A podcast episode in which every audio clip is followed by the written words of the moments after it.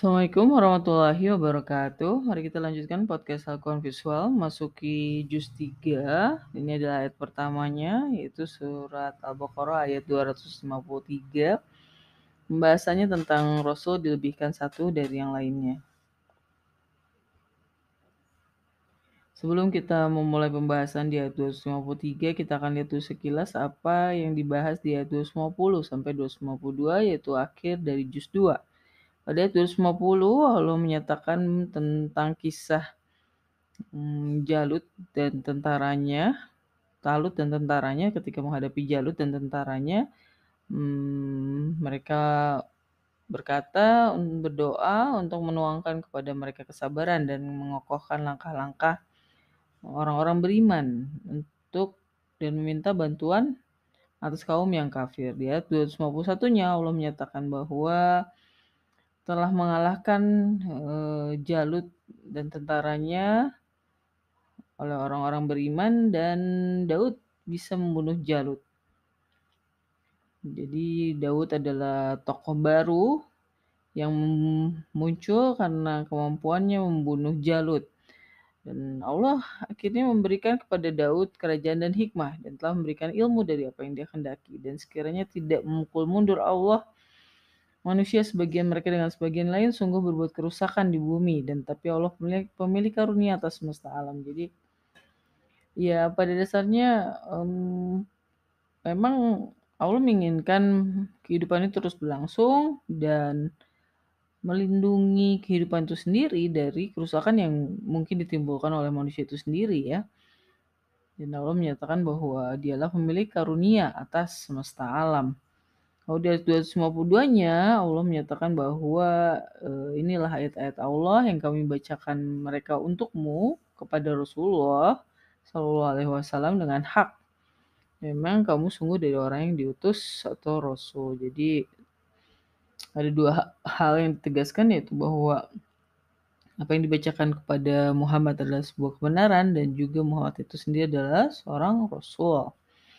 Nah, membahas tentang Rasul, kemudian dibahas juga di ayat 53 dilanjutkan ya tentang pembahasan tentang Rasul itu. Apa yang dibahas? Kita bacakan dulu ayat 253 surat Al-Baqarah. A'udzu billahi minasyaitonir rajim. Tilka rusulu faddalna ba'dahum 'ala ba'dim minhum man kama كلم الله ورفع بعضهم درجات وآتينا عيسى ابن مريم البينات وأيدناه بروح القدس ولو شاء الله ما اقتتل الذين من بعدهم من بعد ما جاءتهم البينات ولكن ولكن اختلفوا فيه فمنهم من آمن ومنهم من كفر. فلو شاء الله ما اقتتلوا ومنه ولو شاء الله ما اقتتلوا ولكن الله يفعل ما يريد kita bacakan artinya ayat Al-Baqarah 253 ini para rasul maka kami telah memilih atau memberi karunia sebagian mereka atas sebagian yang lain dari mereka, dari orang berkalimat Allah dan telah dia naikkan sebagian dari mereka derajat dan kami telah memberikan Isa uh, anak Maryam bukti nyata. Dan kami telah menguatkan dia dengan Ruh Kudus. Dan jika dia berkehendak Allah dia tidak akan membiarkan berkelahi satu sama lain orang-orang dari setelah mereka dari setelah apa yang datang kepada mereka bukti nyata. Dan tapi mereka berselisih. Maka dari mereka, dari orang yang telah beriman dan dari mereka orang kafir, jika telah berkehendak Allah, tidak mereka berkelahi satu sama lain, tapi Allah melakukan apa yang dia inginkan. Itu yang dibahas di ayat 253 surat Al-Baqarah. Apa aja kata dan frasa yang pernah muncul sebelumnya kita akan bahas untuk melah lebih lanjut makna dari surat Al-Baqarah ayat 253. Kata pertama adalah Ar-Rasul seperti yang tadi dibahas di ayat 252 surat Al-Baqarah di penghujung juz 2 dibahas tentang Muhammad sebagai rasul dan sekarang yang dibahas adalah para rasul. Jadi bukan hanya satu rasul, tapi rasul-rasul yang lain. Apa perbedaan rasul dan nabi? Rasul adalah utusan, nabi adalah pembawa berita. Hal yang diminta Ibrahim adalah dibangkitkan rasul di antara umatnya. Ketika membahas tentang Tolut digunakan kata nabi. Jadi ketika membahas tentang Tolut yang mereka meminta kepada seorang nabi, raja. Nah, seperti yang pernah kita bahas gitu bahwa mengapa di zaman Rasulullah yang menjadi raja adalah Rasul itu sendiri, Muhammad. Nah, apakah memang nabi tidak bisa menjadi seorang raja? Nah, jadi apakah itu perbedaannya misalnya? Karena kita tahu bahwa e, Rasul itu sendiri seperti Muhammad memang menjadi seorang pemimpin juga peperangan ya. Nah, tapi e, kita juga tahu bahwa perangan yang terorganisir hanya ada di zaman Rasulullah. Sebelumnya perang itu tidak uh, tidak diadakan perang ya. Jadi uh, yang memerangi justru adalah orang kafir terhadap orang Islamnya sendiri atau para nabi dan rasul. Nah, tapi perang sendiri diperbolehkan baru di zaman Rasulullah. Nah, ini juga harus menjadi catatan gitu untuk bisa menelaah lebih lanjut apa perbedaan nabi dan rasul ya kita harus mempelajari lebih lanjut. Lalu kata selanjutnya adalah fadolna kata karunia dalam bentukan yang sama merujuk pada Bani Israel yang dilebihkan atas alam semesta. Karena arti fadolna di sini adalah melebihkan ya, memberikan karunia yang lebih atau memilih. Nah, jadi di sini dijelaskan bahwa para rasul dilebihkan sebagian dari sebagian yang lain. Dalam bentukan yang berbeda, kata ini dikaitkan dengan keberpalingan Bani Israel dalam perjanjian, pada diturunkannya Al-Quran, hal yang berkaitan dengan rezeki atau mata pencaharian, hal yang berkaitan dengan relasi suami istri, penjagaan Allah atas kehidupan di muka bumi. Jadi karunia yang dilebihkan itu dalam konteks apa? Apakah sesuatu yang umum gitu ya? Tapi memang di konteks di ayat 253 seperti juga ketika penggunaan kata ini di ayat sebelumnya berkaitan dengan Bani Israel berarti adalah Allah telah melebihkan sesuatu karunia kepada Rasul satu kepada sebagian Rasul dibanding sebagian yang lain. Seperti juga contohnya dalam Bani Israel. Nah karunia dalam bentuk apa? Seperti yang tadi disebutkan, memang karunia ini dibahas dalam berbagai macam uh, bentuk ya. Lalu frasa selanjutnya adalah kalam kalam Allah. Frasa ini sebelumnya terdapat di ayat 118, 174 Al-Baqarah, merujuk kepada perkataan orang yang tidak mengilmui dan tentang orang yang tidak berkalimat dengan Allah di hari kiamat karena menyembunyikan kitab. Pada bentukan lain merujuk pada Adam, Ibrahim, dan Musa. Jadi kalam Allah itu kan adalah uh, permintaan orang-orang yang tidak mengilmui ingin berkalimat langsung dengan Allah. Dan yang dibahas pertama tentang kalam Allah adalah ketika balasan pada orang-orang yang menyembunyikan kitab tidak akan ngobrol dengan Allah gitu di hari kiamat. Nah, tapi kita juga tahu bahwa eh, yang berbincang dengan Allah itu adalah Musa, seperti para tafsir ahli tafsir menyatakannya. Tapi penggunaan kalimat juga pernah muncul di dalam ketika membahas tentang Adam dan Ibrahim. Jadi apakah Ibrahim dan Adam termasuk mereka yang berbicara langsung dengan Allah? Ya kita harus telah lebih lanjut. Lalu kita sambung lagi dengan kata warofa. Kata ini pada ayat ini merujuk kepada derajat para rasul yang berbeda. Pada ayat 63, 93 surat Al-Baqarah merujuk pada bukit yang diangkat. Oh, di atas Bani Israel ketika Allah mengambil keteguhan dari mereka. Pada ayat 127 merujuk pada diangkatnya pondasi rumah Allah. Nah, jadi in, sedangkan di ayat 153 ini adalah derajat para rasul yang berbeda. Jadi ada yang lebih tinggi ya. Tapi apakah lebih tinggi itu berarti merendahkan yang lain? Ya, sebetulnya tidak seperti itu ya. Lalu kata selanjutnya adalah darojat. Darojat kata ini sebelumnya terdapat di ayat 228 merujuk pada laki-laki terkait tata cara perceraian. Jadi laki-laki dikaitkan dengan eh, dinyatakan memiliki derajat. Nah, ini yang kadang-kadang menjadi pondasi uh, dasar laki-laki suka berbuat semena-mena terhadap perempuan dalam rumah tangga karena merasa dirinya lebih ditinggikan oleh Allah ya. Tapi apa makna derajat itu sendiri gitu? Karena di sini di ketika merujuk pada Rasul, memang e, dinyatakan ada Rasul-Rasul tertentu yang dinaikkan derajatnya. Nah kita harus e, memahami maksudnya derajat itu apakah berarti punya kewenangan lebih terhadap e, yang lain atau memang ya suka-suka Allah ya melebihkan satu orang terhadap orang yang lain dan bukan berarti untuk merendahkan orang lain. Lalu frasa selanjutnya adalah wa ataina Isa bin Maryam al wa ayyadnahu bi ruhil kudus. Frasa ini sebelumnya terdapat di ayat 87 merujuk pada sikap Bani Israel yang arogan terhadap Rasul Allah.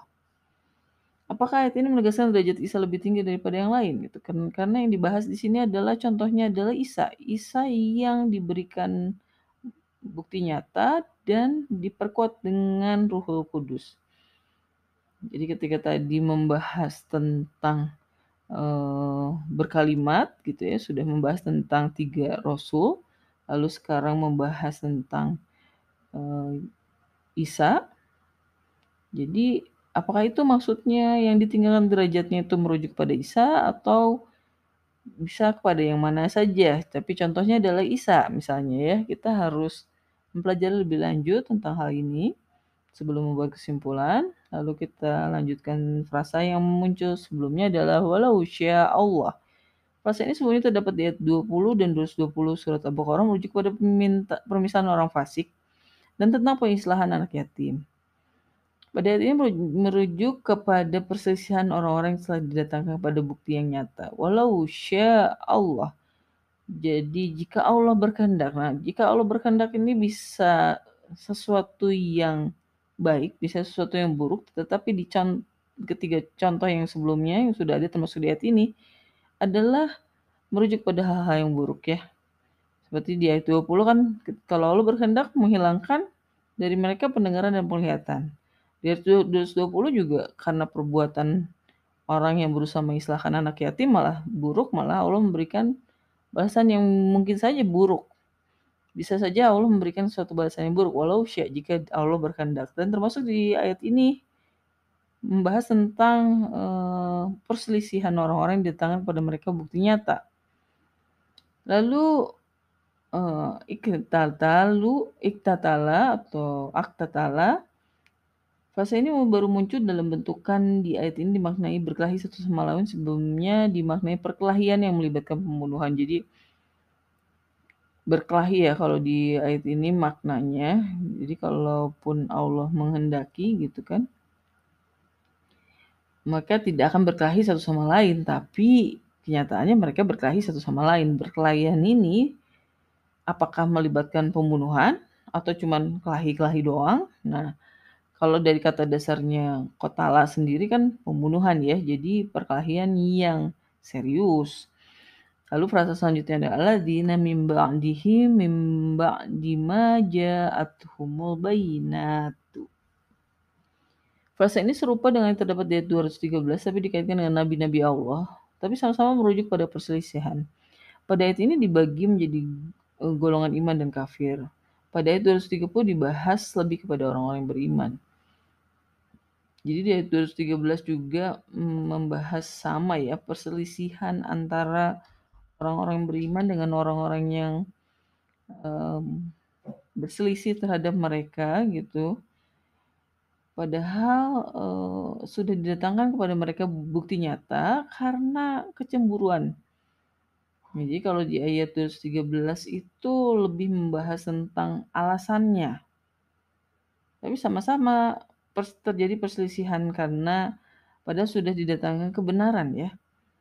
Jadi kita membahas satu frasa yang serupa dengan konteks yang sedikit berbeda, tapi intinya sih sama gitu bahwa walaupun sudah didatangkan eh, kebenaran, justru malah kebenaran itu seakan memicu perselisihan gitu. Makanya kan dulu Rasulullah dituduh sebagai pemecah belah. Mengapa? Karena ketika Rasulullah datang, yang terwujud malah perpecahan antara kafir eh, antara Bani Quraisy ya di, di Mekah. Nah, tapi sebetulnya bukan itu yang jadi digarisbawahi oleh Allah gitu, bukan perselisihan itu karena memang Allah menghendaki perselisihan perselisihan itu gitu.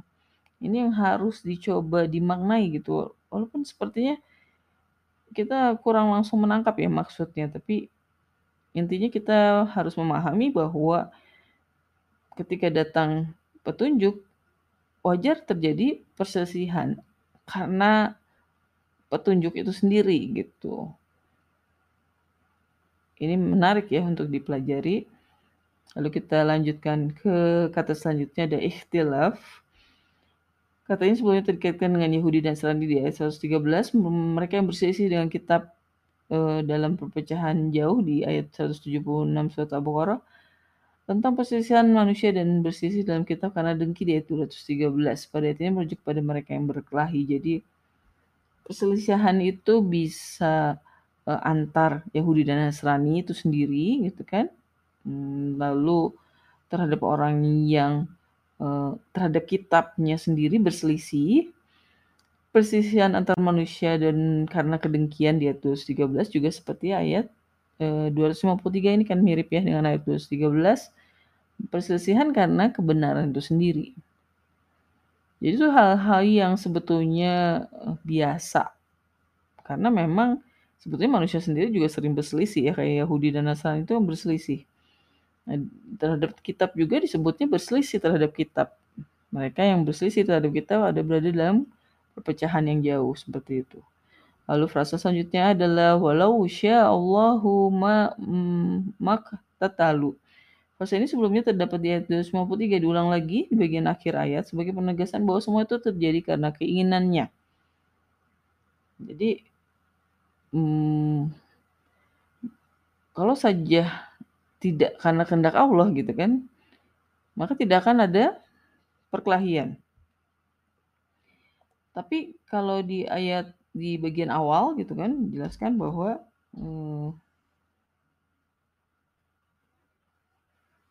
um, maka mereka berselisih. Nah, di ayat di ujung ayat ini ditegaskan, ditambahkan lagi bukan hanya Allah berkehendak. Jadi memang uh, sebagai penegasan ya bahwa kehendak Allah yang didasarkan oleh keinginannya. Jadi gimana maksudnya? Ya ini sebuah penegasan aja ya sebetulnya ya. Makanya kalau kita baca Quran memang tidak akan bisa langsung mencerna sekaligus terus. Mengapa harus diulangi dengan satu pernyataan yang sebetulnya serupa tapi tidak sama memang ya. Kehendak Allah hmm, lalu Allah menyatakan bahwa dan tetapi Allah melakukan apa yang dia inginkan. Apa bedanya sya, sya hmm, berkehendak dengan ingin? Ini kan sesuatu yang seakan mirip tapi berbeda. Nah, ini juga harus dipahami mengapa diulang dengan suatu pernyataan yang serupa tapi tidak sama. Ini banyak PR-nya ya. Ayat ini lumayan berat juga gitu karena mem memahami sesuatu yang baru memang tidak pernah uh, sederhana ya. Banyak frasa-frasa berulang yang sebetulnya tidak mudah dipahami gitu. Lalu kata selanjutnya adalah ya fa'alu, kata ini diartikan lakukan seperti juga amal. Kata amal, amal juga artinya sama, melakukan, tapi berbeda makna. Maknanya lebih luas daripada amalan. Baru pada ayat ini dikaitkan dengan Allah. Karena kata yaf'al itu sebelumnya dikaitkan dengan manusia. Tapi ternyata Allah juga yaf'alu, mau melakukan sesuatu menggunakan kata sama. Ya, dengan e, manusia. Tapi apakah amalan terkait dengan Allah? Sepertinya belum pernah ya kata amal terkait dengan Allah. Tapi kata yaf'alu terkait dengan Allah baru di ayat ini. Sebelumnya adalah dikaitkan dengan manusia. Nah itu pemilihan diksi itu menjadi penting ya. Makanya ya nggak bisa langsung memahami kalau kita belum sampai di ujung pembelajaran terhadap Al-Quran. Tapi setidaknya dengan belajar detail seperti ini kita akan sedikit-sedikit lebih sedikit memahami konteks penggunaan kata pemilihan diksi tertentu pada suatu ayat sehingga kita bisa lebih memahami mengapa Allah menggunakan kata itu misalnya ya. Ya perjalanannya masih sangat panjang. Kesimpulannya adalah Ini adalah ayat pertama di juz 3, seperti di akhir juz 1, awal juz 3 juga membahas tentang rasul-rasul. Masih kita masih ingat ya di akhir juz 1 membahas tentang Ibrahim, Ismail, Ishak dan menyatakan bahwa tidak membeda-bedakan antara mereka satu dengan yang lainnya. Di awal juz 3 juga membahas tentang rasul bahwa rasul dilebihkan. Pembahasan tentang rasul yang digarisbawahi adalah setiap rasul memiliki derajat yang berbeda, sesuatu yang yang lebih ada yang lebih ditinggikan atas yang lain, sebagian yang lain ada yang hmm, bisa berkalimat dengan Allah, ada yang dibantu sama Ruh Kudus gitu ya. Tapi ya inti spiritnya masih sama, tidak perlu membandingkan atau merendahkan satu dengan yang lain, tidak perlu dibedakan. Sama saja sebetulnya sama-sama membawa kebenaran. Apa yang dibawa Rasul harusnya menjadikan manusia bersatu, bukan berkelahi karena perselisihan. Tapi Allah sendiri menghendaki perkelahian antar manusia. Mengapa? Agar jelas siapa yang beriman dan siapa yang kafir di antara manusia. Jadi, ya pasti ketika uh, datang kebenaran, ada orang yang menentang, ada orang yang mendukung.